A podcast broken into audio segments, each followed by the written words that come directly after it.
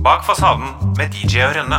Silje, jeg bare elsker eiendom, jeg. Det er så mye spennende i denne bransjen her. Det er transaksjoner, gilder, markedsrapporter, områdeplaner. Ja, men Dag Jørgen, det er jo ikke det vi skal snakke om i den poden her.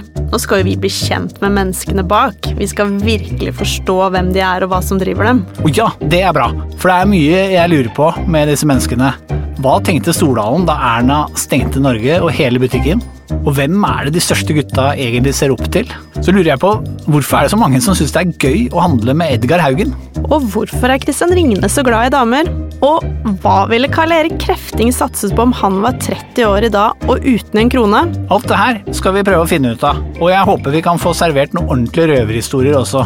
Vet du hva? Det her gleder jeg meg skikkelig til. Nå skal vi bak fasaden. Og så skal vi møte folk i bransjen på en måte dere aldri har truffet dem tidligere. Vi skal ha de gode samtalene, vi skal være nedpå, ærlig og usminka. Ikke minst så skal vi lære, lytte og forstå. Så bli med og følg med på Estates nye podkast DJ og Rønne.